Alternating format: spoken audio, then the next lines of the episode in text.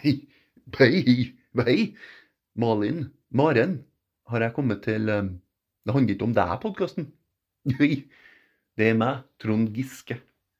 Uh, og før jeg fortsetter, så må jeg bare si at uh, grunnen til at dialekten min høres ut som mer enn uh, her, er fordi jeg har bodd så lenge i Oslo og drukket masse kaffelaffe og sånn dritt. uansett.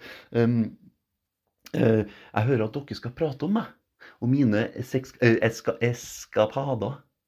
Um, trenger ikke gå noe inn på det. Um, og det trenger ikke dere heller. jeg bare tuller. Jeg kan jo ikke stoppe dere fra å prate om uh, tingene jeg allegedly har gjort. Jeg kan jo ikke stoppe det lenger. Men jeg kan kanskje godsnakke med dere smekre, lekre damer. Fordi jeg kan jo gå og overtale dere kanskje til å bruke noen finere kallenavn på meg. for jeg har hørt at dere refererer til meg noen ganger som Gisle Gris. jeg liker ikke det kallenavnet. Så her er noen andre OK. Giz. The Giz. Gizzy. Gizmaster, uh, Gizmaster T, The Trondheim G. Uh, Hyblandkaninen. Jeg skjønner ikke den helt. Uh, den helt vanlige, normale og på ingen måte psykoseksuelle Trond. Litt lang, men den er jo korrekt, da.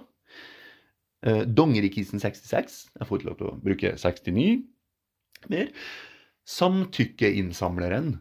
Uh, kvinnerespektereren. Konsensusjegeren. Middelveissøkeren.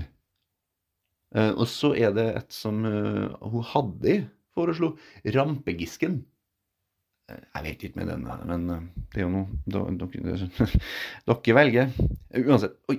Um, nå må jeg gå. Ja, Hadde nikker. OK. Uh, ha det bra. Um, alle skal med. Og uh, fuck off. Hvis det um, Fuck off.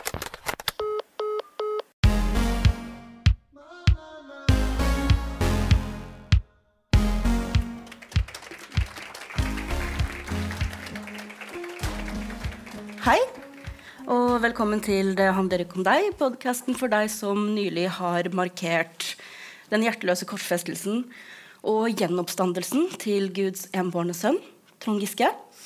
Uh, vi er live fra Samfunnet i dag, og vi syntes derfor at det passa å snakke om nettopp Trond Giske. Sorry, jeg nekter å si Giske. Jeg bare, um, er det Giske? Det er Giske. Nei. Det går jeg ikke med på. jeg kommer til å fortsette å si Giske, og hvis man, man opplever det si, ubehagelig, så skal Man kan det... si navn som man vil. Ja, ja det er greit. uh, men ja, hvis disse veggene kunne snakke, så ville det sikkert foreligget enda flere varsler. Uh, men uh, grunnen til at vi skal snakke om Giske, det er at vi har dratt nytte av at vi nylig har lært oss å lese. For det har kommet en ny bok nå som heter 'Varslerne' av Heidi Helene Sveen.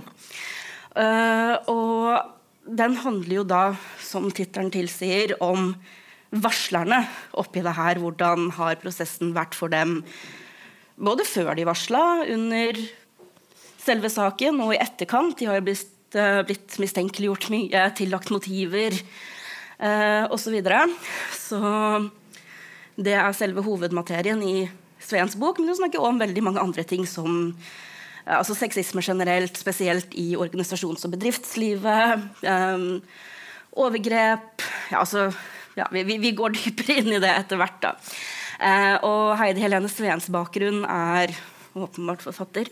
Eh, hun er også samfunnsviter, og så jobber hun som veileder ved ressurssenteret Dixie i Oslo, som er eh, et lavterskeltilbud for folk som har vært utsatt for trakassering, overgrep og voldtekt. Eh, og også deres pårørende. Så um, hun eh, Ja, hun har også skrevet et par bøker, eller hun flere, men hun har skrevet en som heter 'Såpass må du tåle', som også handler om hvordan kvinner ofte møtes når de står frem eh, med sine historier om trakassering osv. Og så har hun skrevet uh, en som heter 'Det var ikke voldtekt'. Ti menn forsvarer seg uh, i retten. Så hun har veldig mange års erfaring og kompetanse på områder da, som kjønnet vold, overgrep, trakassering og de andre kjerneverdiene til Arbeiderpartiet.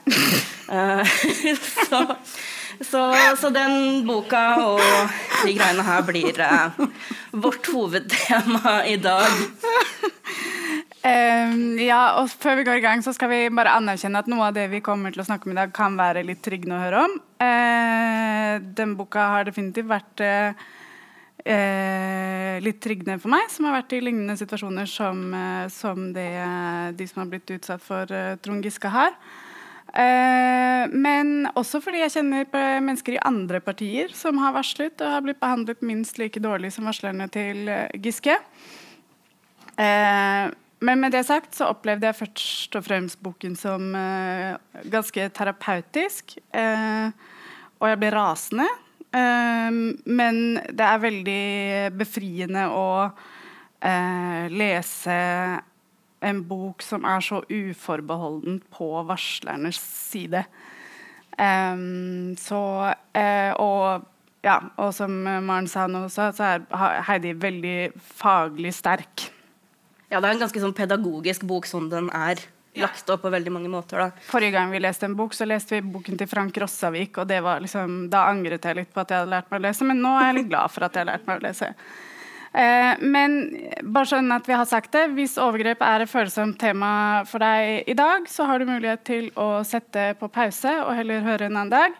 Eh, og det gjelder også dere som er i rommet. Vi blir ikke fornærmet eh, hvis det skal bli for mye. Vi skal og dere ikke orker å høre dette i, akkurat i dag. Eh, vi skal prøve å behandle det så artig som vi kan, men det er fortsatt eh, det, er, det, er, det blir noen tunge passasjer i dag. Det er helt uunngåelig. Ja, men uh, vi, skal, vi, skal, prøve å ikke gå sånn dypt i det som er aller vondest. Vi skal jo først og fremst da snakke om Uh, altså både, både, saken eller sakene konkret, men også litt sånn de større temaene da, som, som Sveen berører i sin bok. Og som Malin sier, så er den altså Den er ikke uforbeholden på varslernes side, for hun gjør jo veldig grundig og etterrettelig arbeid på absolutt alle mulige måter. Uh, men det er veldig tydelig at det er perspektivet til varslerne som skal komme frem. For av åpenbare grunner så er det varslene og ikke varslerne som har stått i fokus og bør stå i fokus. Men med det så har det jo ført til veldig, veldig mye grumsete vann som uh, varslerne har uh, måttet plaske rundt i mot sin vilje. Og det er ganske modig også, tenker jeg, da, av Sveen å uh, gå så tydelig til verks og være hun, hun, inntar ikke noe sånn der, nå skal jeg være supernøytral type posisjon bare av feighet, for du vet at Trond Giske er jo fortsatt en mektig aktør. Uh, hele det systemet rundt Giske er jo ganske mafiost, egentlig. Det er helt sånn Og det, jeg bare kom på en ting, fordi i forbindelse med at uh, vi skulle snakke om det her i dag, så så jeg opp i en uh, 'Makta rår', som er en dokumentar av Håvard Bustnes. Den ligger på NRK hvis dere vil se den.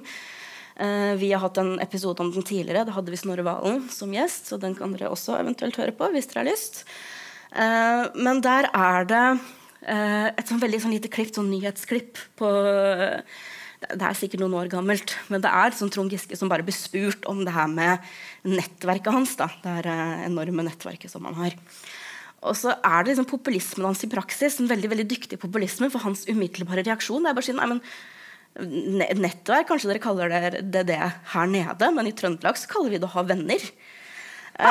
og det er liksom Det høres så tilforlatelig og uskyldig Dere her nede i Oslo hvor jeg bor? Hvor, hvor, jeg bor og har bodd veldig lenge og har etablert meg og fått barn og sånne ting. Ja. Altså Det er klart at det er jo en traktorskuffe full av bullshit, men, men samtidig, du, du, du, skjønner hvor han kommer fra. Det virker så eh, veldig uskyldig, men du vet jo at mye av grunnen til eller kanskje ikke mye av grunnen, men noe av grunnen til at Giske har sånn ride or die-støttespillere i politikken, det er jo at karrieren hans har vært mye sånn gjensidig ryggkløing og gi meg det, så får du det.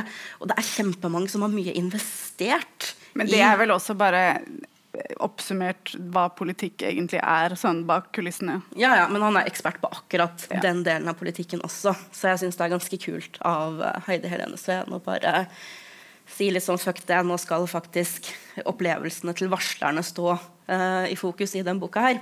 Samme dag som boka kom ut, eller rett før eller rett etter, det husker jeg ikke. Men, men da skrev Heidi på Facebook også at uh, Trond Giske har på en måte han har prøvd å få i gang en svertekampanje mot henne også, hvor han, han mener at hun har liksom trålt eller saumfart eller svømt jeg husker ikke akkurat ordlyden, med Trondheims gater på leting etter varslere. Eh, som om de var veldig vanskelige å finne. Ikke men folk som, som, som, vil snakke dritt om ham. Ja, det var det. Ja. Jeg tror ikke du må liksom ned blant gresstråene med lupe for å finne noen. Ja, ikke sant? Var det noen der? Ja. Eh, så jeg vet ikke, vi begynner rett på med nesten det litt sånn kronologiske som uh, ja. ja. Fordi at uh, i boka 'Varslerne' så begynner vi ca. 2012. For allerede da så skriver uh, Torunn Kanutte Husvik, som tidligere har vært leder i uh, kvinnenettverket i Arbeiderpartiet, en kronikk hvor hun snakker om at nesten alle unge kvinner hun kjenner i politikken, som av åpenbare grunner er veldig mange, har opplevd seksuell trakassering eller tilfeller av maktmisbruk fra menn eldre menn i partiet i eh, lederposisjoner og med tillitsverv. Uh, og hun hadde også prøvd å kartlegge, spurt masse forskjellige menn i partiet. Hva er det dere har lært om det her? Det som, altså, hvordan har dere blitt fulgt opp da, og liksom blitt fortalt om hvordan dere skal forholde dere til å ha makt? Og sånn, og svaret var jo nei, absolutt ikke en dritt. Det var ingen som hadde snakka med dem om det eller noe som helst sånn. Og samme år som hun skriver denne kronikken, så dukker um, Roger Ingebrigtsen-saken opp. Som kanskje mange her ikke husker. Jeg hadde glemt den. til... Uh, ja, ja, nei, uh, og da har du en 37 år gammel statssekretær, tilfeldigvis også statssekretæren til Trond Giske. Han hadde da, i en alder av 37, inngått et forhold til en 17 år gammel AUF-er. Uh, og hun følte seg pressa til det. Og det første som skjer, det er at han får gå ut på Facebook og kalle det her for uh, Hva var det han kalte det? Bare en feilvurdering eller et eller annet sånt. Men at det selvfølgelig var uh, helt frivillig. Selvfølgelig var det det. Men han gikk av som, som statssekretær. Og hun også slutta i politikken, for det er det det ender med. Det, og det er jo litt mye det vi ser blant varslerne til Trond Giske også, at uh, de forsvinner ut av politikken fordi det er Eh, kjempeubehagelig.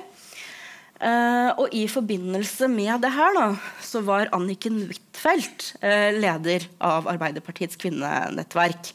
Og hun benektet at det var noen ukultur i Arbeiderpartiet. Dette var en enkeltsak. Det det var ikke noe så særlig mer enn det. Og så sa hun, og nå må jeg bare lese nøyaktig hva hun sa Eh, det har blitt bedre og lettere å si ifra enn før, men det er fortsatt altfor vanskelig. Men det som er mye verre i våre dager, er det sosiale nettsamfunnet med Twitter og Facebook, der det hagler med meldinger og beskyldninger. Um, så der ligger jo lista, da, når du vet at dette er lederen i kvinnenettverket i Arbeiderpartiet. Det er for vanskelig, men det er også altfor lett. Ja, ja, ja. Og, og det verste Det verste i det her er liksom de Eh, de nettsamfunnene her. Um, At folk har fått en stemme, det er, ganske, det er grusomt. Men allerede her så kunne jo Arbeiderpartiet tatt noen grep. Ja, Det er det mest påfallende, det, og det skriver Heidi om også. at eh, Allerede i 2012 så hadde de en sjanse til å eh, vise at de tar det på alvor, og, og håndtere det i eh, ja, nesten i stillhet. da. Og på det tidspunktet så kunne de også på en måte allerede da forhindret den stormen som kom i 2017 og 2018 da, rundt Trond Giske. Ja, bare begynne å ta, ta, ta, ting litt på alvor, sette en presedens, eh, prøve å forebygge, men det var eh, åpenbart ikke aktuelt. Eh, og så kommer vi da til 2017, fem år senere, og da kommer jo også metoo. Og den 17. desember eh, 2017 så legger Jonas Gahr Støre ut en Facebook-post hvor han oppfordrer alle som har opplevd trakassering eller uønsket seksuell oppmerksomhet i Arbeiderpartiet, til å varsle eh, om det. Og på det tidspunktet så har det så vidt vi vet ikke kommet noen formelle varsler om Trond Giske. Er, han har blitt nevnt i en sak i Dagens Næringsliv. Da er det tre tre ting de nevner. Jeg skal holde tunga liksom rett i munnen og si at uh, det er altså da tre saker. Det én er noen SMS-er til en ung AUF-er som AUF syns var så alvorlige at de meldte det til uh, moderpartiet. Og så var det Unnskyld, det stemmer ikke at det ikke har kommet noen varsler, fordi at en av de som uh, er på en måte um, Som varsler senere, da, ja. har jo allerede varslet. Ja, som AUF, ja. da det skjedde i 2008, tror jeg. Sånn at det har, det er ikke, altså det, det har kommet varsler om Giske lenge før. Eh, før altså nesten ti år før. Ja, men sånn, ja, så det eneste som ikke har kommet, er da varsler i forbindelse med metoo, så vidt vi vet. Ja. da. Eh, Så det er den saken. Og så er det en hvor han skal ha kommet på uanmeldt eh, tilfeldig visitt i en kvinnegarderobe eh, i sitt virke som kulturminister. Og så var det en tredje situasjon. Det var upassende oppførsel i bursdagen til en statssekretær. Og på Politisk kvarter så kommenterte Jonas Gahr Støre det her, og så sa han at denne, disse sakene var ikke av en sånn karakter at han mente det var grunn til å, å fremme anklager eller reise det som en sak. Eh, og nok en gang så var Anniken Huitfeldt, leder av Arbeiderpartiets kvinnenettverk, helt enig. Så da har han samtidig oppfordret folk til å varsle hvis det har skjedd noe, samtidig som de da sender eh, et signal om at jo, men sånne ting, det er helt innenfor hva vi tillater i vårt parti. Liksom. Ja da han Trond, vet du. Det, det, er det ikke så farlig. Jeg tror kanskje vi må sitere Jonas litt senere, hvis jeg greier å finne det fram uten at jeg bruker for lang tid, for det er faktisk helt utrolig hvor tåkete altså Han er jo kjent som Norges tåkefyrste, men det er faktisk helt utrolig hvor rørete han, han omtaler Ja, det er en helt uleselig passasje Eh, som er eh, Ja, det er virkelig det. er det er et langt avsnitt hvor han bare Han sier ingenting. Nei, Det er sånn veldig sånn på siden av alt, men jeg prøver som en person som har jobba med en del transkribering, eh, å legge litt merke til hvorvidt folk snakker på en måte som gir mening, hvis du skriver ned det de sier. Det er et veldig bra grep som Heidi Helene Sveen gjør der, når hun bare gjengir ord for ord, verbatim, det Jonas Gahr Støre sier. Eh, så det bare får en helt annen, eh, helt annen dimensjon. Eh, men nå skal vi over til selve eh, varslene. For det er da to varsler som kommer inn samtidig. Og disse kvinnene har fått pseudonymer i boka. Det er Victoria og Katrine. Så vi kommer til å referere til eh, de to forskjellige varslene. Og begge har bedt eksplisitt om at Kjersti Stenseng, som er partisekretær eh, på partikontoret, og en veldig nær venn av Trond Giske, at hun ikke blir involvert i den prosessen her. For de har absolutt ingen tillit til at eh, det kommer til å gå bra. Men problemet er at varsler de skal per definisjon eh, gå via partisekretæren og partikontoret. Så allerede her så, så er det jo en liten sånn, eh, liten sånn eh, vanskelighet. Du kan tenke at hvis, hvis, hvis Trond Giske er Scar i 'Løvenes konge', så er Kjersti Stenseng en av hyenene. Og da, da vil du liksom ikke komme og liksom si 'hei, her, her er mitt varsel om, om kompisen din'. Eh, men de to varslene, da det, Nok en gang så må jeg forholde meg til eh, til litt notater her. Jeg vil egentlig ha mest kontakt med dere. Men eh, litt, litt av det vi skal snakke om, er hvordan de varslene har blitt litt sånn dårlig gjengitt. og sånn, Så jeg vil ikke gjøre det samme. Eh, men den ene varsleren, eh, hun som kalles Victoria, hun sier at på partiets sommeravslutning i 2016 så hadde Giske lagt merke til henne, nærmest studert henne med blikket. Og hun jobber på det tidspunktet her, tror jeg, i stortingsgruppa. Så dette er en ung kvinne som er mye lenger nede enn ham i partiapparatet. Og han drar henne ned på fanget sitt, eh, stryker henne eh, på rumpa. Eh, og noen liksom ser det her og tar et mobilbilde, for de syns at det ser ganske fucka ut. Uh, og så uh, hadde de tatt en taxi sammen litt senere på kvelden. Han hadde befølt lårene hennes, han hadde skjøvet kjolen hennes oppover. Det er liksom ganske eksplisitte ting han driver med. Og så er det også masse andre tilfeller av at han har seksualisert samtalen eh, i andres påhør, som isolert sett ikke er noen sånn veldig big deal for varsleren, men det er sånn helheten av det her da, som er ganske alvorlig. Så det er det første varselet som leveres inn. Og så er det varsleren Katrine, også et pseudonym, som leverer sitt eh, varsel. Og det er fra partiets sommerfest i 2014. Eh, da kom hun sent, møtte Giske i døra. Han sier at eh, festen er over, eh, vi skal på nach. Eh, bli med til meg. Eh, og De går inn i en taxi, og han sier at nei, de andre kommer etter. Men problemet er at når de kommer til Trond Giske, så kommer det ingen. på noe som helst tidspunkt. Hmm. Og så begynner han å liksom ta tak bak hodet hennes, trekke henne til seg, eh, kysse henne, beføle henne på brystene spesifikt. Um, og hun prøver hele tiden. Og dette er igjen dette er en ung kvinne lenger ned enn ham i partiapparatet. Hun prøver å avspenne situasjonen. Hun sier at nei, du, nå har du fått mye å drikke, og ja, Haddy sitter hjemme og liksom bare Ja, for Hun prøver å minne ham på at han er kjæreste, men det, også, men det som også skjer samtidig som Giske gjør, er at han snakker om hennes politiske karriere. Ja og hvor love, ung og lovende hun er, mm. og, hvor, og, og, og ja, hvilken lysende fremtid hun, hun, har i partiet. Da, samtidig som han bare forsyner seg. Han leder henne til soverommet. Mm -hmm. Det er en mhm. åpenbar forventning om at hun skal legge seg ned med ham i senga. Og han legger seg ned, men hun bare brer over ham og stikker, og han prøver ikke å stoppe henne. Så det er liksom kvelden avsluttes der. Uh, så det er de første ganske alvorlige varslene. Mm. Og så kommer det tre til i løpet av de neste dagene mens Eh, de venter på at Jonas Gahr Støre skal kalle inn til et konfrontasjonsmøte. Først så setter de opp en Jeg skal ikke gå inn på den, gå inn på den uh, nøyaktige datoen, men det er Trond Giske som Nei, det, han, han, han, kan ikke, for han, han skal levere julegaver. Eh, så, så, det blir utsatt til den 21. Og det Jonas Gahr Støre gjør, det er at han ikke bare involverer Kjersti Stenseng, hvilket han ifølge varslerne har lovt dem at han ikke skal gjøre. Fordi hun er en svoren Trond Giske-venn, så de er mhm. veldig opptatt av at Kjersti Stenseng ikke skal være involvert i behandlingen av varslene. Eh, nettopp fordi at hun eller, ja, fordi at det vil være i Giskes favør at hun ikke er nøytral. Eh, men ikke bare involveres hun, men hun får ansvaret for å kalle inn til møte, og møtet blir holdt hjemme hos henne eh, spesifikt. Og det er nok ikke noen annen grunn til det enn at det bare er vanlig prosedyre. Hun er partisekretær. Så ja. det helt, det er, altså, hadde, hadde, situasjonen eh, ikke involvert en som sto henne nær, så hadde det vært den naturlige måten å gjøre det på. Men siden det er en person som står henne nær, er det ganske hår, og de spesifikt har bedt om at det ikke skal bli sånn, så er det, det ganske hårreisende at det skjer. Det blir så dårlig stemning mellom partiledelsen og partikontoret hvis de ikke gjør det sånn. så da bestemmer de seg for at nei, da skal de ha det møtet hjemme hos henne. Ja. Og i mellomtiden så har det da kommet inn tre nye varsler. Mm -hmm.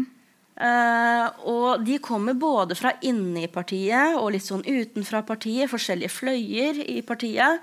Men, men, Trond Giske argumenterer først og fremst for, og det her er jo en av de hovedelementene som uh, har gått igjen. Han, han, rammer inn det her som en maktkamp.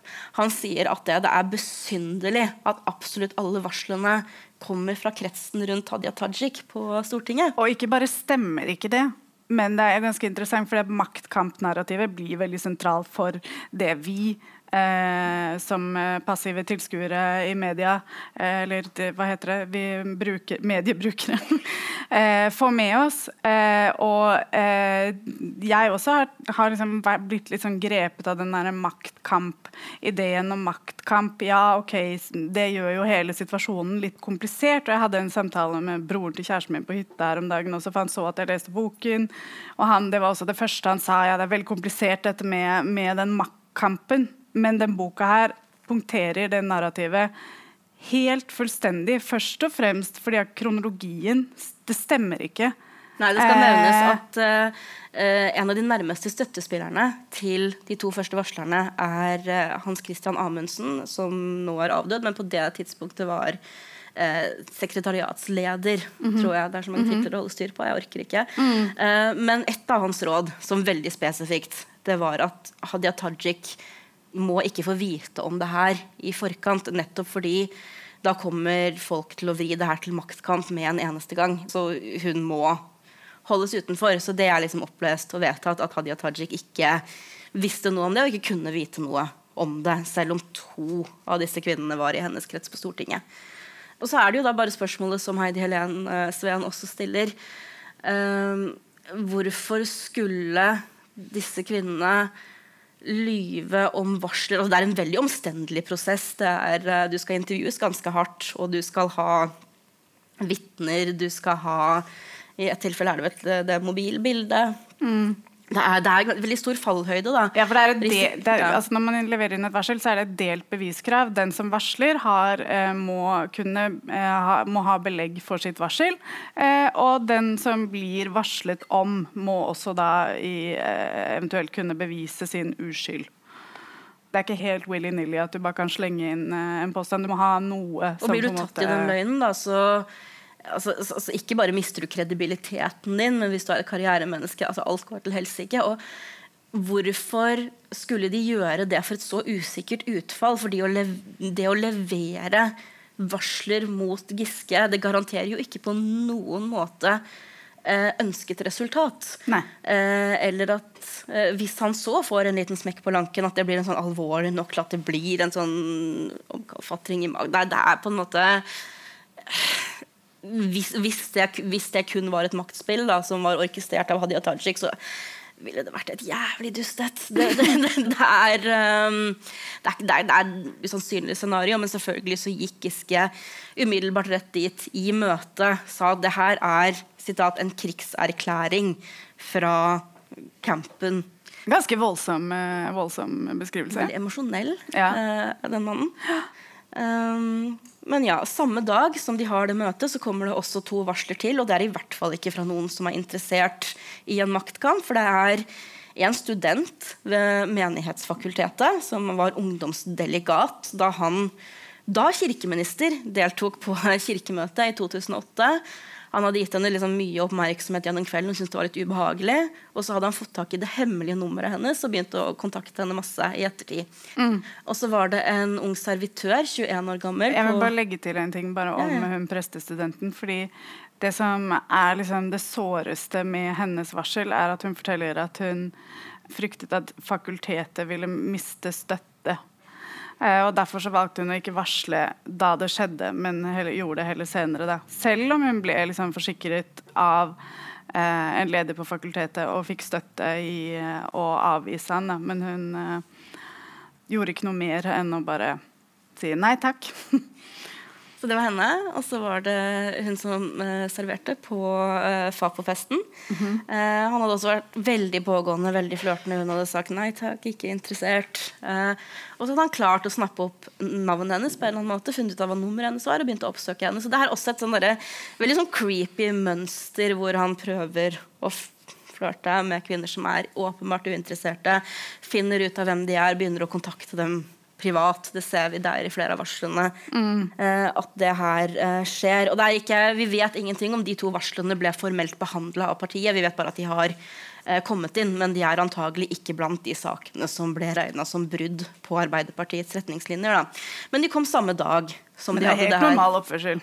Ja, ja. Det, altså, det er bare Det er bare Trond som er Trond, og det, det, det må vi bare, bare respektere. Eh, og det som skjer etter konfrontasjonsmøtet, det er jo fint lite. Det er Jonas Gahr Støre går ut i en pressemelding og sier at er, Trond har oppført seg som, på en måte som var ugrei, og det har jeg gitt ham beskjed om. Og så går Trond Giske på Dagsrevyen samme kveld og beklager. Og han er veldig opptatt selv i ettertid av at ja, men hva mer skal jeg gjøre enn å beklage?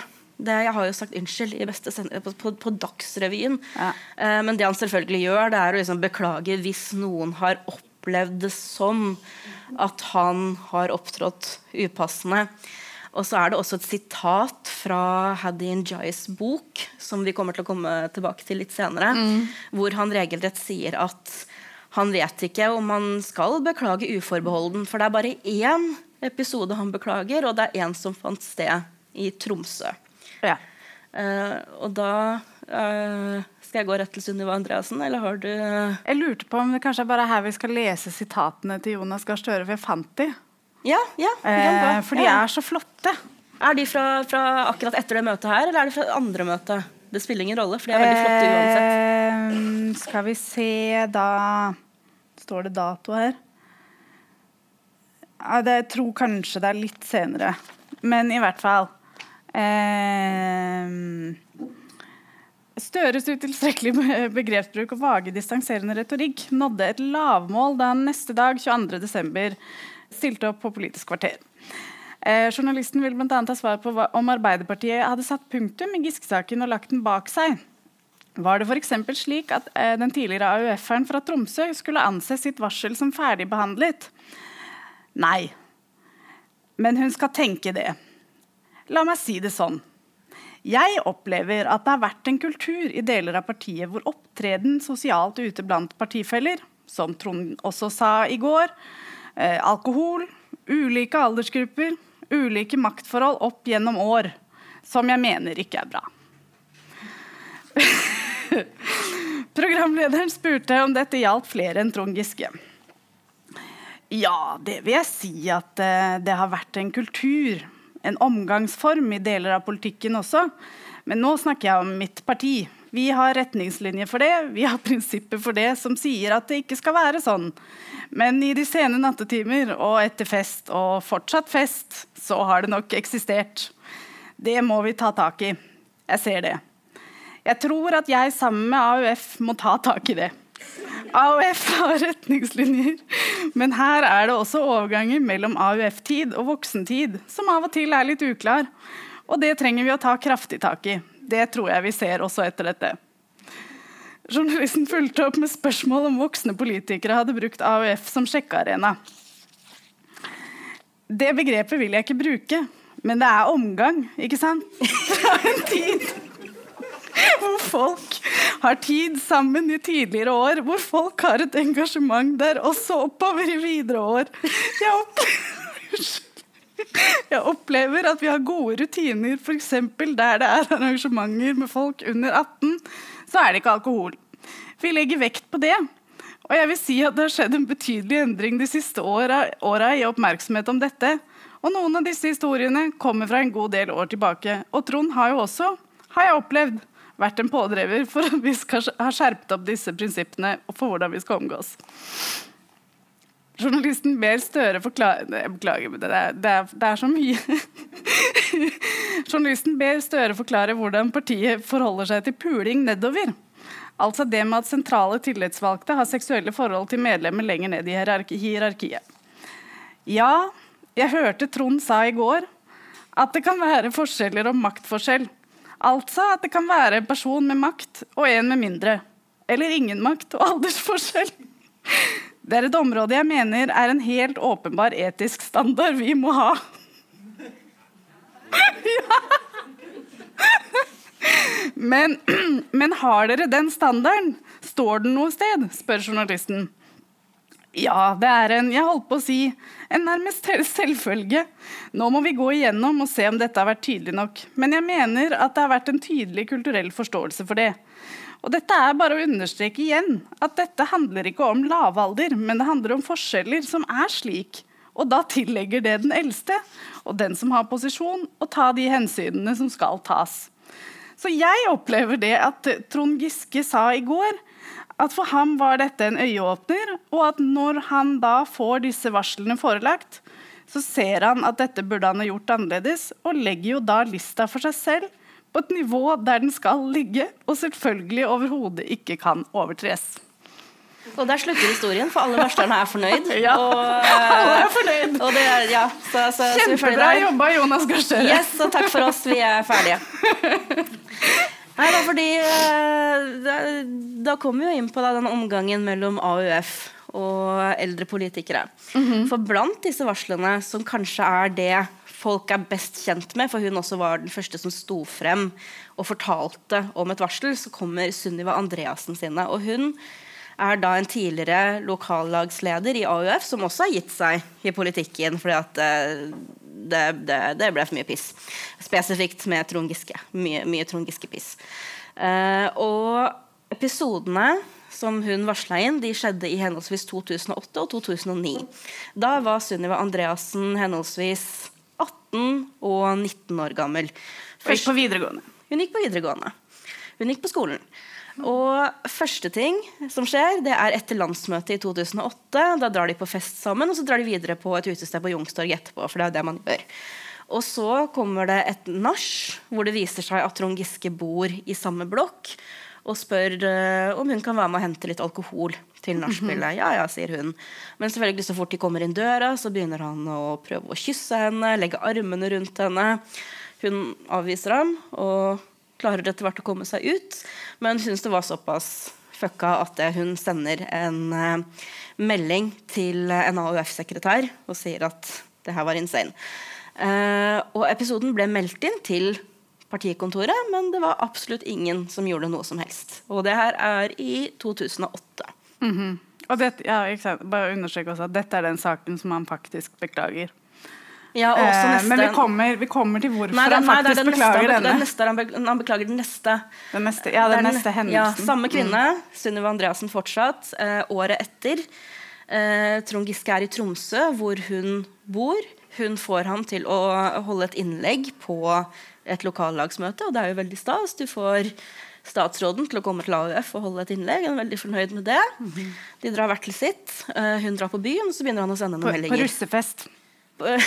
hun er russ det året. Ja, så det er, det er, et utested som er populært for 18-åringer fordi det er fordi 18-åringer slipper inn, da. Ja. Eh, og så begynner meldingen å komme. Du vet, hvor er FU? Hvor, hvor er FU? Eh, fra Trond Giske. Og hun svarte hvor hun var. Og tenkte, hun tenkte liksom ikke at ja, denne, denne, statssekretæren i, eh, i, i 40-årene kommer til å dukke opp på Hva er det dere har som er sånn 18-årssted i Trondheim? Har dere noe sånn Krambua. Ja, ikke sant? Det er sånn Man tenker ikke at han dukker opp her, men selvfølgelig gjorde han det. Plutselig så står han der da, sånn blant bare tenåringer. Og det, folk legger merke til det. Folk begynner å komme, masse videregående elever, og bare å, Trond Giske er på fjortisbar. Eh, og Sunniva Andreassen, 19 år gammel, i AUF, det er hun som føler på ansvar her. Og tenker at det her tar seg jævlig dårlig ut for Arbeiderpartiet. Folk er her, folk tar bilder. Det her er ikke så bra. Så hun bestemmer seg for at hun må få Trond Giske tilbake til hotellet sitt, hvor han er dritings og ikke i stand til å eh, ta vare på seg selv. Så hun prøver å få ham tilbake til hotellet, er i nær kontakt med venninne på SMS samtidig, for hun har den erfaringen hun har fra året før. Eh, og så begynner hun selvfølgelig underveis å bekymre seg allerede. For nå har folk sett henne forlate et utested med Trond Giske. Eh, hun vet at folk kommer til å tro at hun har ligget med Trond Giske. Hun bekymrer seg helt ekstremt for hva de kommer til å si på skolen dagen etterpå. Ja. Uh, han, han, nekter å gå til hotellet. Han nekter å gå og legge seg. Så hun får han først bare over på en bar på andre siden av veien. Ja. Mm. Uh, hvor han kjøper øl til henne. Uh, og etter hvert så strømmer jo noen av de her tenåringene fra, fra den andre festen til og ser dem. Mm. Og hele tiden så er hun sånn oh shit, oh shit, oh shit. Hva med Arbeiderpartiet? Stakkars Arbeiderpartiets rykte. Ja, ja, han bare sitter og har det kjempe, kjempe Sitter der liksom sånn halvkram og glad og, mm -hmm. og har liksom verdens beste kveld, og så bare sitter den kiden her og bare OK, vet du hva, partiets omdømme, nå får vi deg hjem. Men hun mm. fikk ham til slutt til hotellet. Selvfølgelig begynner han å legge ham på henne igjen, begynner å kysse henne osv. Men hun kommer seg unna. Uh, og allerede dagen etter så begynner hun å oppleve det belastende. For selvfølgelig svirrer jo ryktene, og alle på skolen bare 'Sunniva banga Trond Giske i går', liksom. Mm -hmm. uh, og jeg tenker allerede når, når, du, når du, er i 40-årene, enten du er statsråd eller ikke, og du har begynt å legge an på å kysse noen som er bekymra for hva de kommer til å si på skolen dagen etterpå da, Altså, da Bjellene burde begynne å ringe. Så det er akkurat den episoden gikk Trond Giske med på at den, den skulle han beklage. Ikke og det er jo fordi han ble sett! Ja, ja, Han kunne ikke huske at han hadde prøvd å kysse henne, men selvfølgelig Nei. at han var veldig full på offentlig sted og ble observert. Det var klanderverdig. Ja. Så det, akkurat det gikk Trond Giske med på å beklage. Mm. Uh, men hun var da også den første dagen etter etter det første konfrontasjonsmøtet til å gå til media. Hun gikk til avisa Nordlys, fortsatt anonym. Mm. Uh, men det at Jonas Gahr Støre bare hadde sagt at nei, Trond har oppført seg upassende, og Giske hadde sittet på Dagsrevyen og bare beklaget at noen kanskje hadde opp Opplevd ham som ubehagelig? Men ingen visste hva innholdet i varslene var. fordi man må jo holde det anonymt av hensyn til varslerne. Det er masse privatliv. det er masse sånn, Men det ga Trond Giske muligheten til å ramme inn det her som sånn uskyldig flørting. Ikke noe, ikke noe å ta sånn på vei for. Så Sunniva Andreassen var jo den første til å gå til avisen og si det her er konkret hva som skjedde. Det er ikke en liten sånn ha-ha, klask på låret, god kveld, nå går jeg hjem.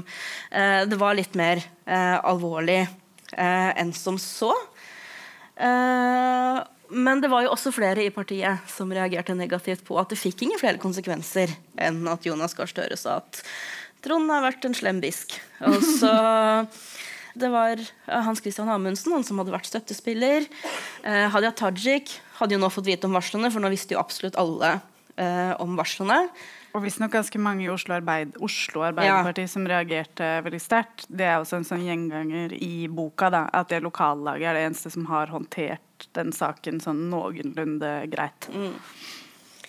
Uh, og så er det jo det, altså Jonas Gahr Støre har jo da først løyet til varslerne. Han har sagt at han skal holde Kjersti Stenseng utenfor. Det har han ikke gjort. Han sier jo selv at han kan ikke erindre at det var en betingelse. Nei. Å nei, å nei, å, det husker jeg ikke. Nei, bare nei. Og så har han løyet på Politisk kvarter, for han har sagt at alle de varslerne, eh, varslerne eller har jo varslet om ting som ligger langt tilbake i tid, og det stemmer i tilfelle Sunniva Andreassen. Men mm. ikke Victoria eller Katrine, som forteller om ting som har skjedd i 2014 og 2016. Mm -hmm. um, og ikke hadde varslerne fått beskjed individuelt om hvordan det hadde gått med deres varsel, før han gikk ut offentlig og bare sa Nei, det, han har gjort en whoops, men uh, det er kanskje den beste. Ja. Uh, og så kommer det også oppi her et varsel til. Det er en kvinne han har uh, slengt opp i en vegg og begynt å kysse på Haugesund filmfestival. Så igjen det der narrativet om at det er Hadia Tajik sine støttespillere som hele tiden går til angrep, det er helt feil. Det er servitører det, det, det, er sånn absolutt eh, blank løgn. Og det er et narrativ som ikke gagner noen andre enn Trond Giske. Ja. Uh, og det er på det tidspunktet her at Trond Giske også blir sykemeldt. Han skriver en Facebook-post hvor det først og fremst er synd på ham. Ja, uh, det har vært en så stor belastning for han. Ja, uh, så, så, i samråd med sin lege så har de tatt et valg om at han skal sykemeldes på ubestemt tid. er vi fortsatt i desember 2017? Vi er fortsatt det, altså, det, altså, ja, det, altså, det her er sånn den 23. eller noe sånt, noe som er en uke etter første varsel har kommet inn. Oh, og ennå er det altså jeg, jeg, håper dere har øl og alt mulig sånn, for ja. Bar Vulkan er ikke før i 2019. Og, det,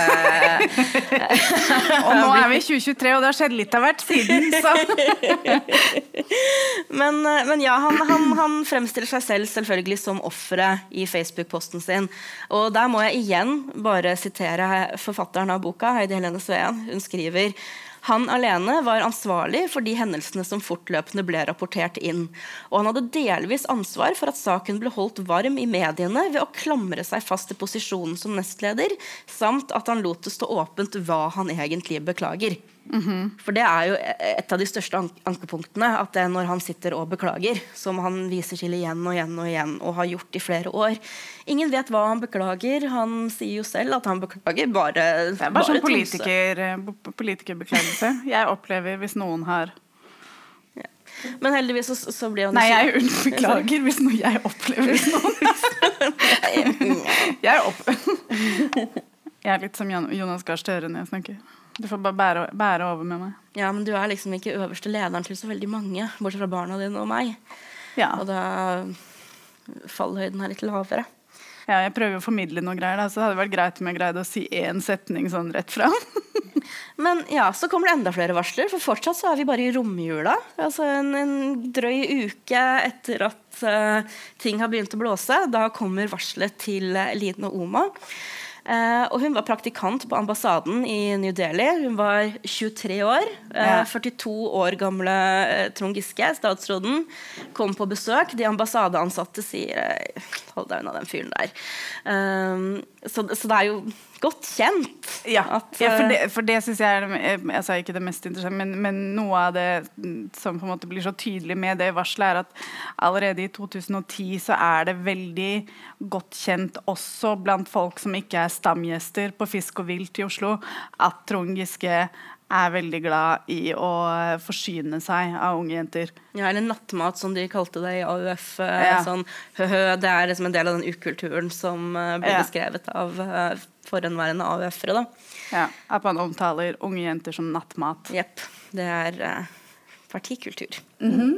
eh, så eh, hun syns jo det er litt sånn litt spennende med Trond Giske, men har det litt i bakhodet. At ok, folk har bedt henne om å kanskje Nei, du vet eh, Ha en glassplate mellom deg og Trond Giske til enhver, tid. Ja, og det er også flere av varslerne som beskriver at han, eh, før, eh, han før han får den på egen hånd, så har han anstand. For det er altså såpass etablert i partiet hvordan han er og opererer, at han må ha anstand Og det når han husker vi er fra. Christian Tonning Riise også.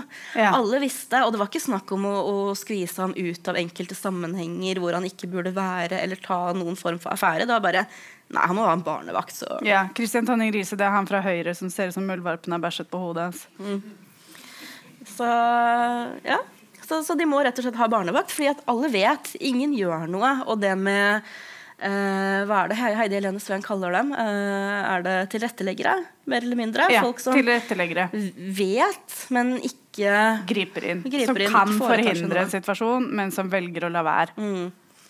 Eh, og det er, ja, Vi kommer tilbake til en annen situasjon hvor Trond Giske hadde anstand. Det er vel, jeg, jeg, tror det er her. Eh, stedet navngis ikke i, uh, i varselet, men, eller kanskje de gjør det i varselet, men ikke i gjengivelsen i boka. Men jeg, jeg, jeg tror det kanskje er på bruket her, men vi kommer tilbake til det.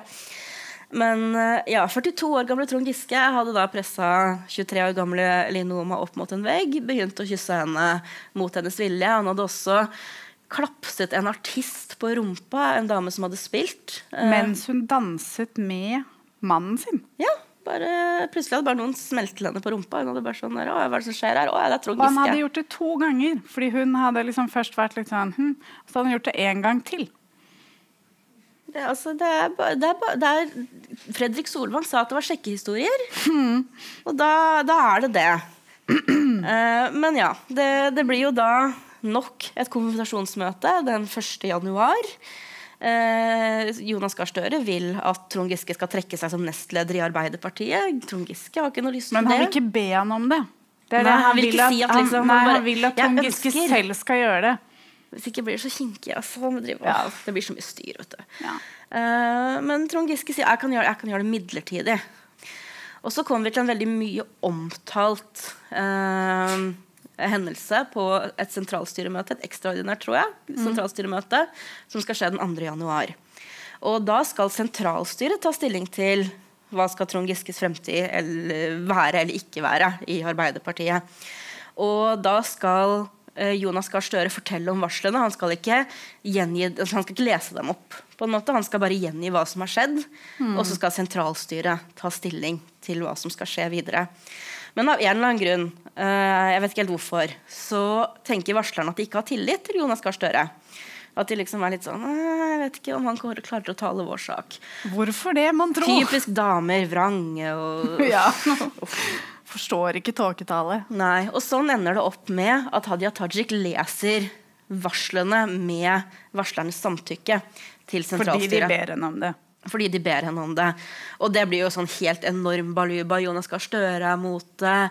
Eh, Kjersti Stenseng, Arbeiderpartiets Ghislaine Maxwell, sier at det her er eh, så upassende, og det er liksom Og så lekkes det jo også informasjon ut om at det her skjer. Ja. Eh, og det er jo Trond Giske veldig sur for, for det, det er definitivt et angrep på ham. Eh, det skal også nevnes at det er etter konfrontasjonsmøtet så hadde journalister av en eller annen grunn funnet ut hvem varslerne var, navnene deres. Ja. Eh, og begynte å ringe rundt til dem. Ja. Og noen sa at ja, vi har det fra Tronds folk. Mm, ok. Eh, og når varslerne ikke ville snakke, så hadde de begynt å ringe rundt til nettverkene deres og effektivt avslørte at hun hadde varslet, og hun hadde varslet, ringt familiene deres. Så det skal være hemmelig hvem som varsler, men, men du vet. Så lekkasjer, veldig greit når de kommer fra tronsfolk. Veldig dårlig når de ikke kommer fra tronsfolk.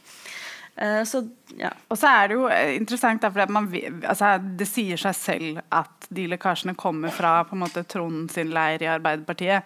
Men eh, kildevernet i norske medier er så sterkt at vi kommer aldri til å få vite hvem som faktisk gjorde det. Du har den der boka til uh, han uh, Skarvøy som fikk sparken for VG-saken vi kommer til å snakke om senere. Eh, men men der, der antydes jo det sterkt, eller sies rett ut, at mange av dem har info fra ikke bare Tronds folk, men Trond Giske selv. Ja. Angivelig.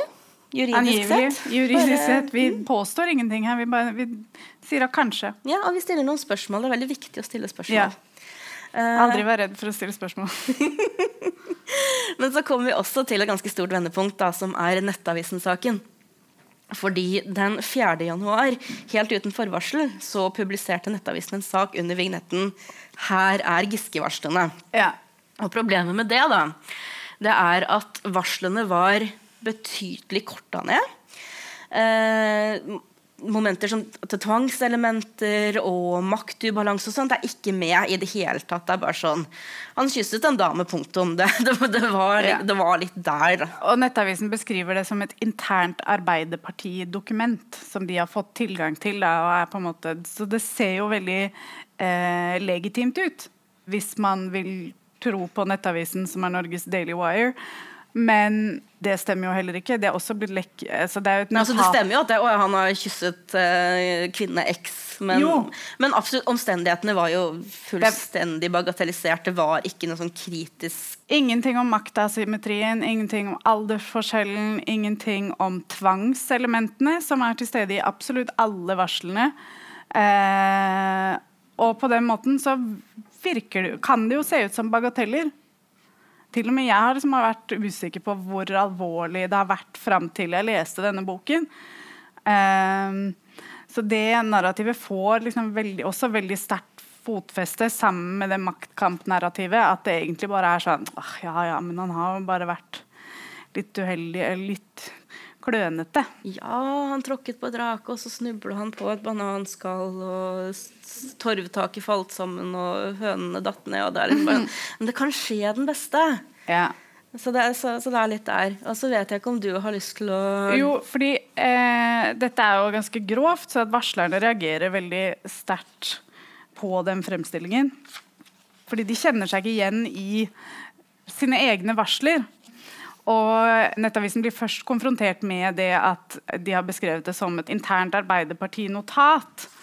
Men eh, Erik Stefansen, han eh, debattredaktør i Nettavisen, han går på en måte med på at eh, nei, det var jo ikke et eh, internt partinotat, vi har, men vi har fått vite at det var et internt notat, og han svarer veldig skråsikkert da når han blir konfrontert.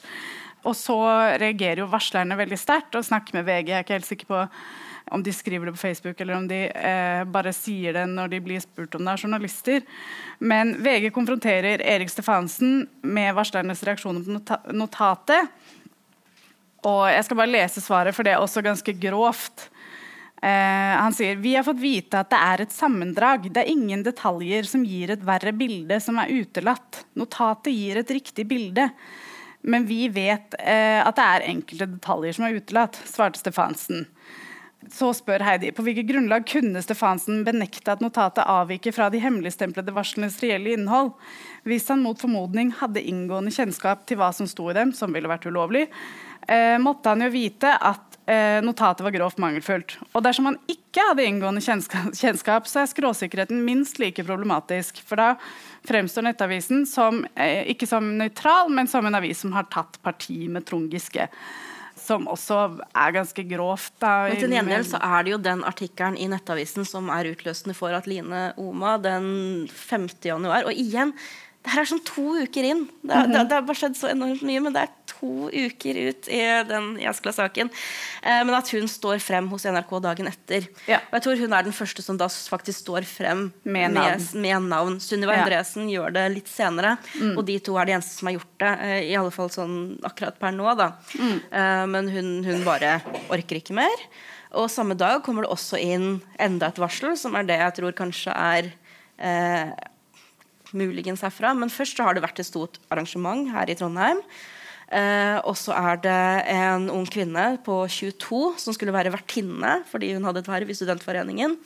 Og den kvelden så løper jo Giske rundt med barnevakten sin. Eh, Ja, det, var, det er en av de tilfellene hvor han, han har anstand. Yes. Selvfølgelig må han ha det på Studentersamfunnet. Ja, det det er åpenbart. Eh, og etter at anstanden har dratt hjem fordi barnevakta måtte legge seg før barnet, så ber Trond Giske kvinnen om å vise I femtiden. Hun holdt til femtiden. Så Ja. så lenge har han på en måte holdt ut da og venta på, eh, på eh, Ja. sin mulighet. Og så ber han da om å bli vist rundt, muligens i disse, disse gangene. hvem vet. Mm, Eh, og begynner å flørte, holder rundt henne, kysser henne. Og til slutt så ender hun med å kline med ham, men hun er litt sånn det her var litt ekkelt. Så hun begynner å tenke på hvordan skal jeg få avslutta det her, hvordan skal jeg få kommunisert at jeg ikke vil det. Eh, og så tyr hun til slutt til Nei, sorry, jeg har mensen.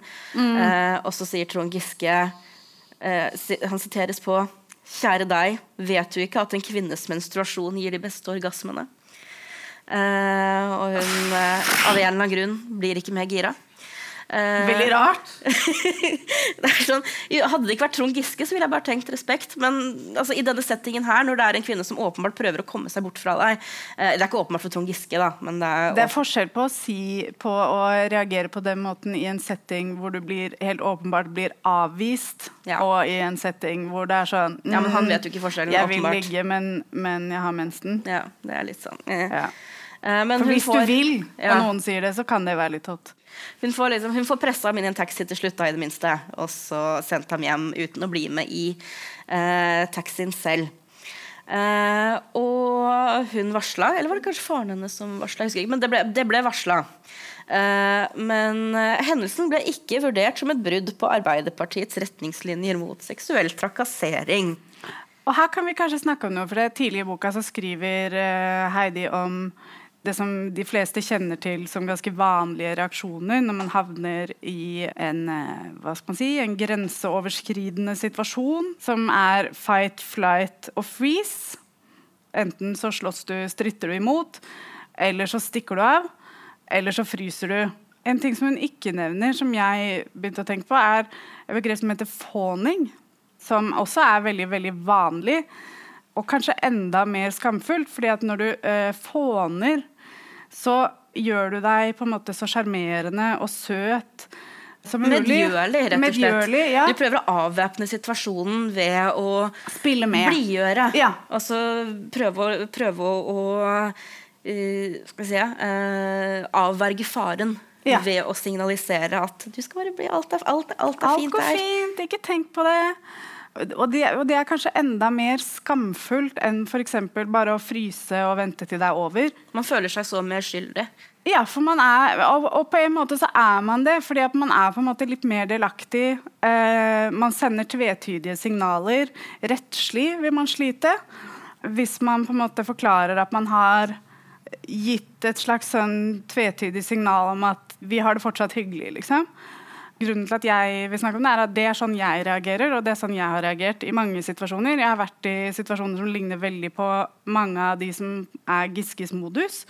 Og spesielt en gang hvor jeg liksom ble holdt fast av en fyr som jeg hadde snakket med lenge tidligere eh, på kvelden. Han visste at jeg hadde en kjæreste som også var der, og det var liksom for meg en helt avklart situasjon. Men han prøvde å gi meg en klem, og så viste det seg at det ikke var en klem. Og så holdt han meg fast og prøvde å kysse meg, og idet jeg kom meg løs, så hadde jeg en sånn reaksjon som jeg syns har vært så liksom vanskelig å forklare for meg selv også, fram til jeg leste om fåning for noen år siden. For det som skjer er at Jeg kommer meg løs, men for at han ikke skal forstå hvor ubehagelig jeg syns situasjonen er, så snur jeg meg, smiler, går tilbake og gir han et raskt kyss. Før jeg går ned og sier til kjæresten min nå må vi gå. Og den siste delen av det som skjedde der, har jeg fortalt til veldig få mennesker. fordi når du er hyggelig og smiler og spiller med og gjør noe sånt som sender et så rart signal som det jeg gjorde det, så føler du deg veldig skyldig. Ja, og Med mindre man er klar over at fåning faktisk er en respons som er ganske vanlig, Ja. eh, så, så forstår man jo ikke eh, hvordan det kan være en metode å avverge faren. Eh, faren som man Og jeg sånn jeg, Og det henger veldig sammen med det som man kaller flink pike-syndrom. At, At, Ja. man, at man, liksom, man vil bare alltid være eh, sånn, liksom pleasing i, i truende situasjoner. ja, altså det, var, det var 100 biter som falt på plass for meg første gang jeg hørte det begrepet. Så det er jo ikke med. Men, men jeg syns jo generelt, da vi skal snakke om denne boka her, så tar jo som nevnt eh, Sveen ikke bare for seg handlingsforløpet rent kronologisk, men hun har har mye informasjon. eh, både om hvordan overgrep håndteres av den som utsettes for det, men selvfølgelig også eh, når man varsles, eller ja. når det varsles. Eh, hvilke juridiske rettigheter har du? Hvordan blir det vanskelig når du skal varsle innad i en organisasjon eller bedrift som de skal håndtere varslene, men de vil også beskytte sin egen organisasjon eller bedrift mot opplevde angrep. Så da er du jo på en måte På en rar måte så varsler du til motstanderen din.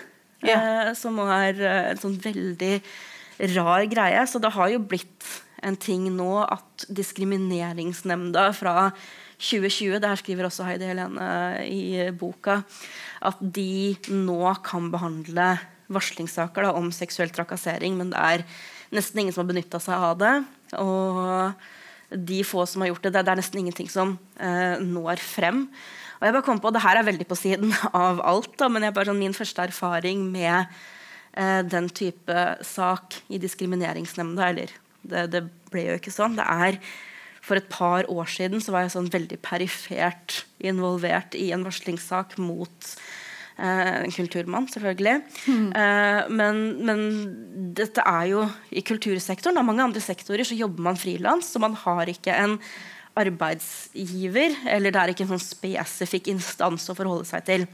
Og her var det veldig mange kvinner som hadde hatt en profesjonell relasjon til denne mannen, som hadde opplevd grove overtramp. Men hvem skal man varsle til? For du har ikke en fast arbeidsgiver. Det var én eh, organisasjon eller hva jeg skal kalle det, som de lukka en del dører fram, for ham og tok det veldig på alvor. Men det eneste alternativet de faktisk hadde, eh, det var, altså bortsett fra politianmeldelse, det var Diskrimineringsnemnda. Men de gikk ikke dit fordi at eh, de var redd for gjengjeldelse. Som er forbudt. som er forbudt. Men akkurat det tilfellet her, da, dette er jo en mann som er litt mer eh, eller mindre kalkulert enn Trond Giske. Så det som stoppa disse kvinnene, det var jo bare vissheten om at han ville vite at det var de som hadde varsla, og at han ville kanskje gå for brent jords taktikk og begynne å du vet, typ, publisere nakenbilder av dem eller intime meldinger som på et eller annet tidspunkt hadde vært frivillig. Så det er sånn som varsler, da, du har så begrensa muligheter. Det er sånn, Om du er i en bedrift, så er det nesten som at det er en kamp for at de ikke skal velge overgriperens side. Eh, har du instanser utenfra, så er det vanskelig. Og det er eh, mye av det som gjør boka til Heidi Helene Svend synes jeg er liksom så bra. fordi Vi vil ikke at dere skal gå herfra og tenke jeg, nå har jeg egentlig lest den boka, for nå har jeg hørt andre folk snakke om den. Eh, men hun har veldig mye konkret eh, informasjon da, som gjør det her til en bok som er verdt å lese på så eh, mange forskjellige plan. Ja, altså Bare det å vite hvilke lover som gjelder, og hvordan de er formulert, er ganske nyttig. fordi en eh, ting som jeg tenkte vi kunne lese, bare er, det er eh, forbudet eh, mot seksuell trakassering, som faller under likestillingsloven, som er formulert sånn her. Med seksuell trakassering menes enhver form for uønsket seksuell oppmerksomhet som har som formål eller virkning å være krenkende, skremmende, fiendtlig, nedverdigende, ydmykende eller plagsom. Og det er den, den delen med virkning som man blir fanget av, spesielt i Trond Giskes tilfelle. Da, for han har kanskje ikke hatt som intensjon å krenke eller skremme eller nedverdige noen, kan han i hvert fall si. Han kan alltid forsvare seg med men det var ikke min intensjon, og jeg beklager hvis noen opplevde det sånn. Men det har ikke noe å si hva din intensjon var, hvis virkningen er at noen følte seg ydmyket eller krenket eller nedverdiget. Og det er veldig viktig å vite. Fordi det er veldig mange som er sånn Å ja, ja, men han mente det ikke sånn. Det har ikke en dritt å si. Ja, for Det er jo litt det Haddy spiller veldig på i sin bok også. for Hun kom med en bok i 2019 eh, hvor hun egentlig fremstiller Trond som sånn en så god partner, et godt menneske som aldri i livet vil noe vondt. Men hun så, fant han godt brukt, da. Ja, det skriver hun også. og bare sånn, I sin grenseløse naivitet så har bare Trond ikke visst hva han gjør. Og Men, og, og, og det kan man kanskje Ja. også forsvare. Jeg fordi syns det er interessant. Ja, fordi man kan kanskje forsvare det. For det er jo ikke nødvendigvis sånn at Trond Giske eh, em, er bevisst at han prøver å dominere, eller liksom hva han gjør i enhver situasjon. Eh, og det kan også hende at det har vært veldig veldig mange tilfeller hvor hans taktikker har vært vellykket, og han har møtt partnere som med vellyst har ligget med han. Eh, Sånn at Hans taktikker kan jo selvfølgelig fungere, men det spiller ingen rolle om det har fungert før når det plutselig er en situasjon der det er en person som ikke vil. Det har ikke noe å si. Men jeg vil på en måte ta høyde for det, at det kan være at han ikke er bevisst hva han gjør i enhver situasjon. Men det som på en måte gjør at jeg tviler litt på at han ikke er helt bevisst hva han gjør, er jo hvordan han reagerer når han blir konfrontert med det. Fordi at Hadde han virkelig ikke hatt noen anelse og får det i fleisen, så burde han jo da blitt utrolig lei seg, utrolig ydmyk og beklaget på en mye mer oppriktig måte. Og gått i seg selv. Men det er jo ikke det han gjør i det hele tatt. Han går med en gang så går han til angrep, motangrep, heller enn å liksom oppriktig legge seg flat og gå i seg selv. Ja, og så har det jo aldri vært noen grunn uh, for verken Trond Giske eller noen av de andre i partiet som har si, benytta seg av den ukulturen. og Vi skal snakke litt mer om det, for det begynner å komme en del AUF-ere på banen etter hvert også. Uh, at det, så, så, så, så, lenge det her har vært internalisert, det har vært helt normalt, alle gjør akkurat det her. De tenker ikke alle gjør denne gale tingen. For de tenker ikke på at dette er en gal eller kjip ting å gjøre i utgangspunktet. Det er bare en ting mm -hmm. uh, som skjer. og de har aldri Og som kan skje og som kan skje. Og de har aldri liksom uh, behøvd å vurdere engang at det finnes et maktperspektiv her. eller at, at det er galt. Så det kan, kan hende, teoretisk sett, at Trond Giske bare aldri faktisk har tenkt over at det nå uh, utnytter jeg makten min, eller nå setter jeg noen i Det, det, er fullt mulig. Da. Altså man, jeg bare går ikke med på å kalle det Det som er fullt mulig, er at det i hvert fall ikke er helt bevisst. At det er jo det han gjør i praksis. Det er åpenbart at det er noe som tenner han også. Men det som ikke er sikkert, er at han har den tankerekken Nå skal jeg utnytte makten min. Ja, for det er, det er veldig få som har det. Ja. Um, hva var det jeg skulle si? Um, jeg vet ikke. nei, fint. Takk, takk, for at du Nei, nei, men i, i, den samme greia der, Jeg nekter å kalle det naivitet eller noe. Det er en uvitenhet. Eh, men det er ikke en jeg liksom går med på å si at eh, det er, greit. Det er noe du kan forstå ja. hvis du er litt interessert i å eh, kikke bak din innerste grind. Ja, men det er sånn, Har du eh, en lederposisjon, et tillitsverv, så, så uavhengig av hvordan organisasjonsparti eller bedriftskulturen er, så har du bare et, et, et eh, innforstått eh, ansvar og en plikt til å gjøre deg kjent med hva din uh, maktposisjon innebærer. Om du så er hva, altså, La oss si at du er Human Resources-avdelingen i strikkeklubben din. Det, det, det, er på en måte en sånn eh, Du bør gjøre det uansett, eh, er egentlig greia. Eh, og så ser man jo at igjen, Giske han, han, tar ikke inn noe av det her. men han går av omsider som statsråd. Og det her skjer den 7. januar. Igjen, vi er to uker uh, ute, ute, i den greia her. Og det første som skjer, er at Giske og Njay de setter seg ned for å, å prøve å skrive et slags uh, et sånn angreps- eller kontradiksjonsskriv, uh, hvor de begynner å prøve å pirke hull. De prøver å finne bevis for at Giske ikke har gjort det han har gjort. Bevisene, eller er beskyldt ja. for det. Så, så, de mener, altså de ender jo opp med å ikke skrive den kontradiksjonsgreia, men Fordi de finner ingen bevis. Nei, det, de det, har, det går nei, ikke an nei, å bevise men, men, at han ikke har gjort det. Ja, men Malin, ja. Line Oma og Trond Giske har sendt et par høflige e-poster Etterpå? Eh, I etter, etterkant. Oh. Og hvis uh, hun hadde blitt tvangskyssa, sier Trond Giske, da hadde hun vel ikke gjort det. Nei, det ville hun aldri ha gjort. Sjakkmatt. Det er ingen som noensinne har gjort det. Hatt sosial omgang eller en høflig utveksling med noen som har gjort noe kjipt. Aldri, aldri skjedd. Uh, og så var det også, De mente vel at uh, varsleren, jeg tror det var Katrine, at de mente at hun løy, for hun hadde prøvd å minne ham på ja, hvordan går det med Heddy. Ja, men de var ikke offentlige med sitt forhold på det tidspunktet, så ja. hun kunne ikke ha visst om det.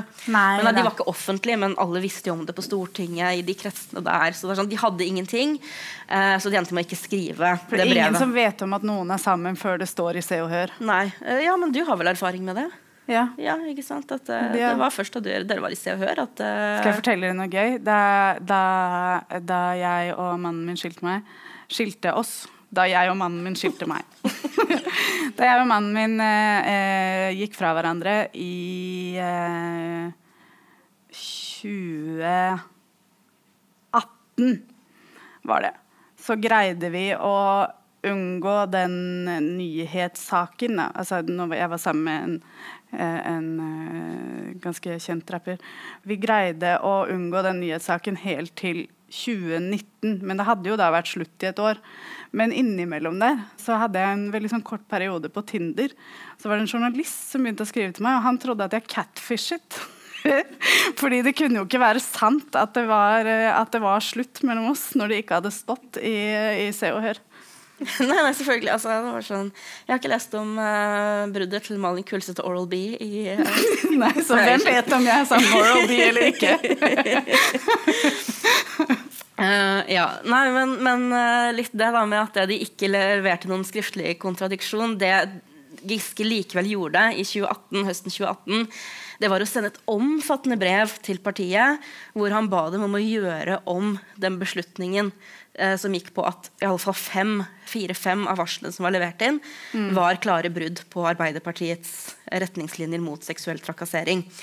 Så igjen da, så er ikke den unnskyldningen hans verdt karbondioksida han peste den ut med. fordi det er fortsatt, de, de trakasseringene dere sa at jeg gjorde, kan dere si at jeg ikke gjorde det, men jeg beklager veldig, altså, bortsett fra at det bare er altså, det, det er liksom helt uh, Men iallfall, han, han, han går av, så da tenker man jo at nå roer det seg sikkert. Eh, lite grann en stund. Og det roa seg lite grann eh, en liten stund, men det var helt til februar 2019. Hysj! Neida, da. 2019, da kommer Trøndelag Arbeiderparti og lanserer Giske som kandidat til nestledervervet. Eh, og det ble veldig mye folk ble litt, sånn, ble litt sinte av det. av en eller annen grunn. Eh, så de trakk innstillingen som nestleder, men så fikk han tilbud om en plass i styret og medlemskap i arbeidsutvalget. Det her er noe de, de, Hater de her Politikk og utvalgene utvalgene og komiteen altså, det er derfor jeg, jeg har, det eneste jeg- eneste grunn til at jeg har laptopen her, det er for å liksom huske alle de der idiotiske titlene og komiteene. Eh, men så skjer den Bar Vulkan-saken, og den har jo vi snakka om i den episoden som jeg nevnte, om Makta rår med Snorre Valen. Ja. Eh, men vi kan jo gå veldig raskt gjennom det, da, bare for å liksom Ja. Dette skjedde for kronologiens skyld. For dette er jo også den saken som på en måte gjør at Giske på en måte vinner, i medie, vinner over mediene. Fordi at eh, den videoen eh, Folk reagerer så umiddelbart. Hun eh, sykepleieren som er i videoen, blir feilsitert av VG. Ja, Alle da- er på en måte ute etter blod. Jeg husker jeg postet den videoen og var sånn Hæ, fuck Giske. Eh, og, og alle lar seg liksom rive med. Ja, for Da så- står han for ordens skyld da, og danser veldig intimt med en dame på Bar Vulkan. Eh, Ja. Etter alle varslene og alt som har skjedd, og all bruduljen som har vært hele det foregående året, så er det på en måte bare helt utrolig at man som, som en ikke-singel eh, offentlig person setter seg selv i den situasjonen. Denne sykepleieren har jo gått ut i etterkant og sagt sånn Yo, jeg, eh, det var helt greit for meg. Det var ikke så farlig. Kan dere slappe av? Men at du i det hele tatt setter deg selv i den situasjonen, Det er jo det som er nyhetssaken. At det, Ja. han utviser en dømmekraft her som er helt idiotisk. Ja. Men så er VG veldig dumme og altfor raske på avtrekkeren og rammer inn det her som en metoo-sak. Eh, hvor de i tillegg da angivelig fabrikkerer sitater fra kvinnen det gjelder. Mm. Eh, og de felles jo da i PFU på fem punkter. eh, Den høsten. Og det er jo alt Trond Giske trenger av eh, ammunisjon for å kunne si at det er det jeg har sagt hele tiden. Dette er en heksejakt. Mediet er ute etter meg. Dette er en maktkamp. Uh, og, og i praksis så, så har han liksom ganske Ganske stødig grunn å stå på, da. Ja, det, men det tror jeg ikke jeg sa tidligere. Det var apropos det maktkampnarrativet. fordi at disse sakene og varslene og sånn, de kommer jo rundt når, når det er noe som skjer da, fra, etter de første varslene.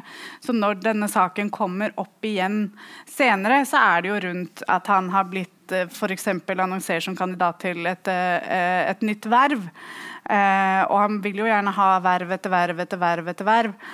Men uh, når han prøver seg på det, så kommer det nye saker opp. Fordi folk blir helt sånn Hva faen? Har vi ikke på en måte skjønt at han fyren her ikke er egnet som leder. Og så kalles det maktkamp bare for at det kommer akkurat og det spiller, Men det spiller ingen rolle, for det er maktkamp. Det er, det er ja, maktkamp. Man prøver å forhindre denne personen som er veldig åpenbart uegna til Han burde ikke ha makt. Ja. Det at det er en maktkamp der, det er irrelevant.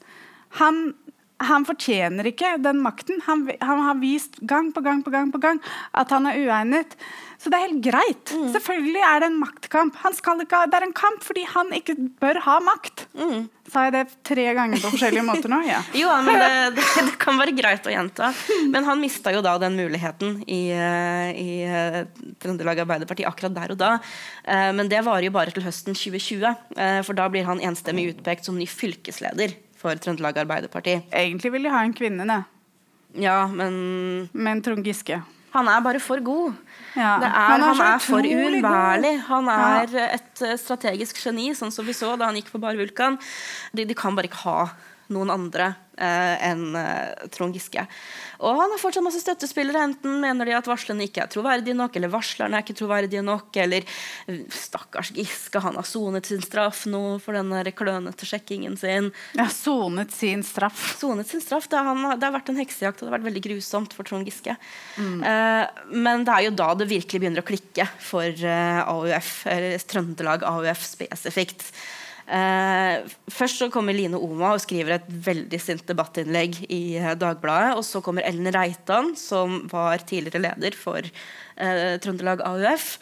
Eh, og bare beskriver hvordan det er å være ung kvinne i AUF. Og det er, det er jo hårreisende. Og hun poengterer jo, som seg hør og bør, at de ber unge kvinner i AUF om å holde seg unna navngitte menn i baren. Og så ber de disse kvinnene om å stemme på den samme mannen til ledende verv i partiet. Eh, og det kommer flere. Det er ei som heter Synne Bendal, også eh, tidligere AUF-er. Tonje Abakke, jeg tror hun var i var, var det Nidaros? Men alle har lignende beskrivelser, og de snakker ikke om Giske spesifikt. Men, men de bare snakker om at som, ja, de, de, de, beskriver en ukultur som alle har sett. Mm. Eh, og også Giske som en av de fremste utøverne av den ukulturen, selv om de ikke har erfaringer med ham selv. Eh, og sier da at han er den siste personen som skal, kan, kan settes inn til å skulle rydde opp i den ukulturen. Og så begynner det da å komme enda flere varsler. For det som sagt, når det er nyværet han prøver å få, så er det flere som tenker Jesus Kristus. Eh, så neste kvinne som står fram, det er Sandra Skillingsås. Og det her er et nå infamt nachspiel. Eh, det var etter fylkesårsmøtet i 2014. Så var hun 23. Havna på et av Giskes hotellnach, for de har han jo hatt eh, ganske mange av. Det var stas å være på de hotellnachspielene. Det var veldig stas. Mm. Og da alle skulle gå, så hadde han liksom slått ut med armen og prøvd å sperre veien for henne på en veldig sånn hei, du skal bli igjen og knulle-måte. Men hun hadde klart å komme seg unna. Eh, og så kom det et varsel til eh, samtidig, som mange trodde var samme kvinne. Men det her var en annen, enda yngre kvinne som hadde vært på samme nachspiel. Hun hadde fylt 18 to uker tidligere. Trond Giske hadde satt seg ved siden av henne i sofaen, lagt dressjakka si over fanget hennes, strøket henne på låret, i skrittet, bare vært generelt eh, griskald. Eh, men hun også hadde kommet seg unna, eller, eller, han hadde reist seg på et eller annet tidspunkt eh, og, og, gått unna. Eh, og det var liksom med alle de historiene her fra AUF og disse. Hun, hun, det var også ganske hjerteskjærende, fordi at hun eh, Nå husker jeg ikke hva hun het, men hun forteller at faren hennes var også i Arbeiderpartiet. Hun var veldig opptatt av Hun, hun fortalte det til en venn og sa men ikke si det til pappa, fordi pappa, pappaen hennes da er venn av Giske. Mm. Eh, og hun var sånn, veldig opptatt av at han ikke skulle få vite det. Ja, Krogstad heter hun. Fornavn tror jeg var Ingrid. Men det er jo også, eh, det er jo veldig fint på, på sitt vis at det kommer et varsel fra noen som er faktisk også i, i, i Giskes støttespillerkrets. Altså, det, er ikke, det er ikke en maktkamp fra Hadia Tajik sin side. Han holder på. Og så er det også Det er jo helt grusomt at det skal måtte komme fra noen som er liksom en arbeiderpartifamilie for at uh, et varsel skal bli tatt på alvor. Det, det, det bør jo ikke til. Men, men, men, slik sett så er det jo altså, altså, det, er en, en, en gravitas der da, som, som, som, åpenbart trengs. Men Trøndelag AUF de trekker sin støtte til uh, det kandidaturet til Trond Giske. Uh, og det gjør jo at valgkomiteen bare må skrote kandidaturet. For nå har AUF bare sagt nok er nok. Nei, nei. Og det er også det som fører til at i stedet for at Giske holder en tale hvor han sier eh, takk, nå er jeg deres nye kis, så må han holde avskjedstalen sin.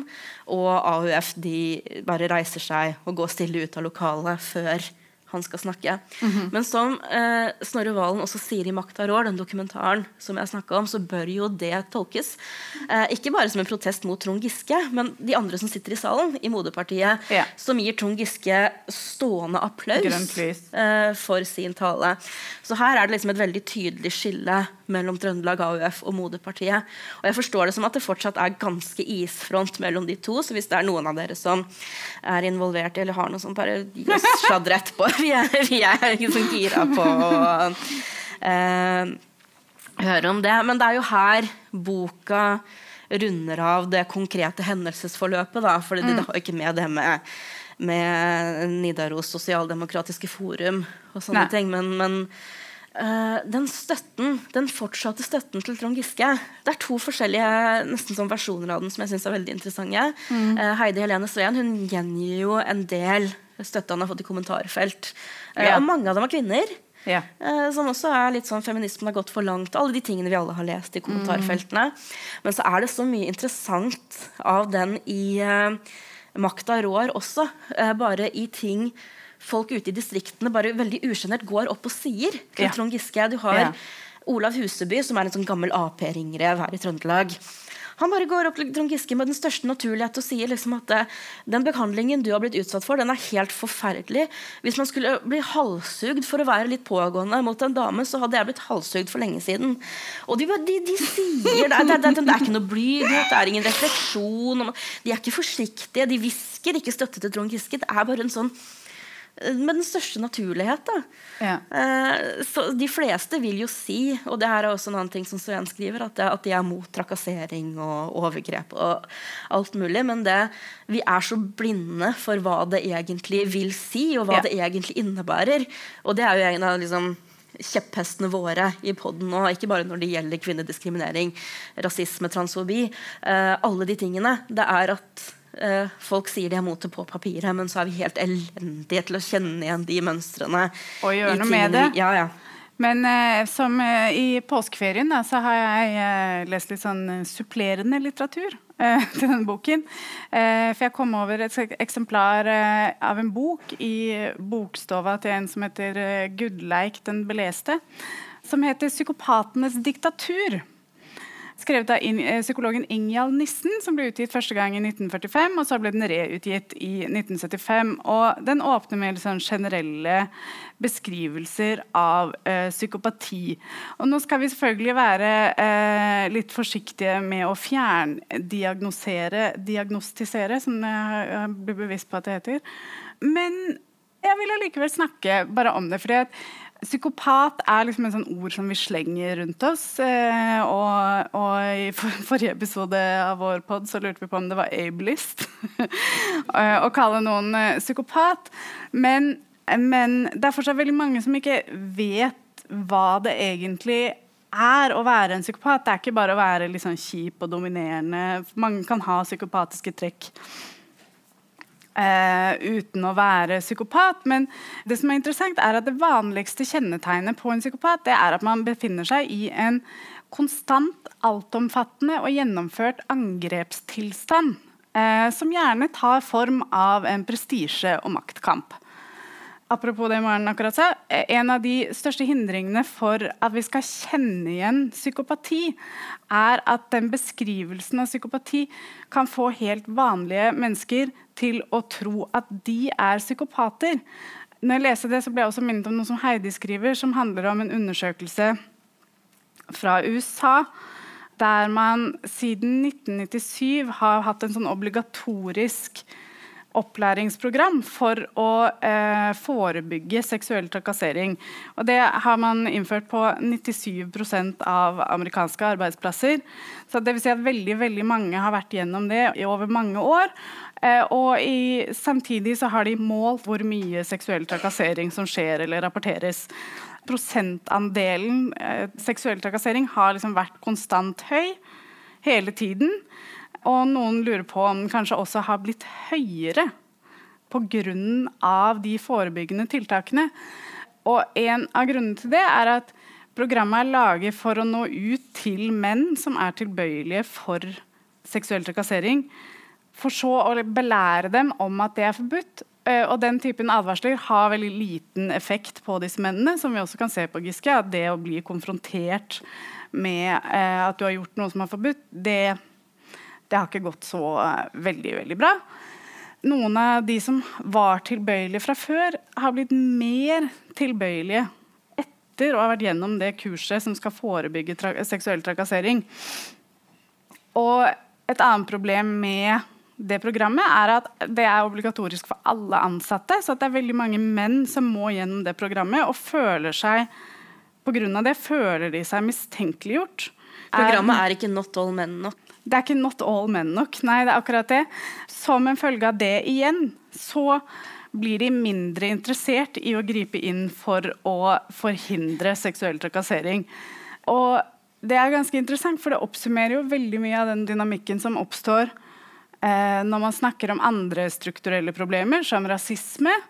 Mange vil liksom oppleve at de i kraft av å være hvite blir mistenkeliggjort for å være rasister. Og havner i en sånn slags forsvarsmodus. For det er også en helt sånn menneskelig greie. At man vil forsvare seg mot det som på en måte kan få deg til å se dårlig ut eller gjøre at du taper.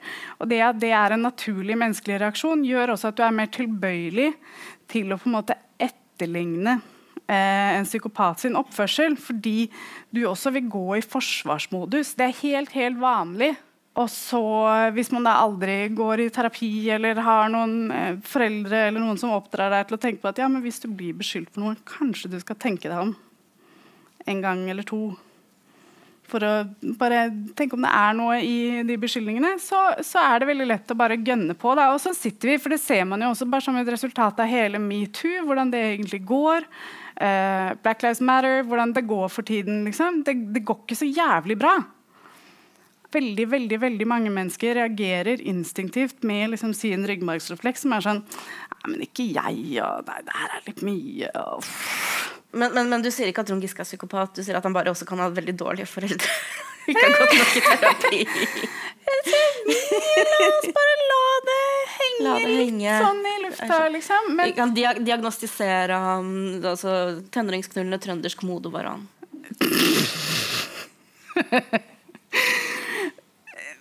Ja, men det er interessant å tenke på det i forbindelse med, med at han er en tenåringsknullende komodo-varan. Eh, mm. Også bare sånn i, med alt som har skjedd i ettertid. Hva, hva het han fyren i campingvogna som kom opp til han? Det?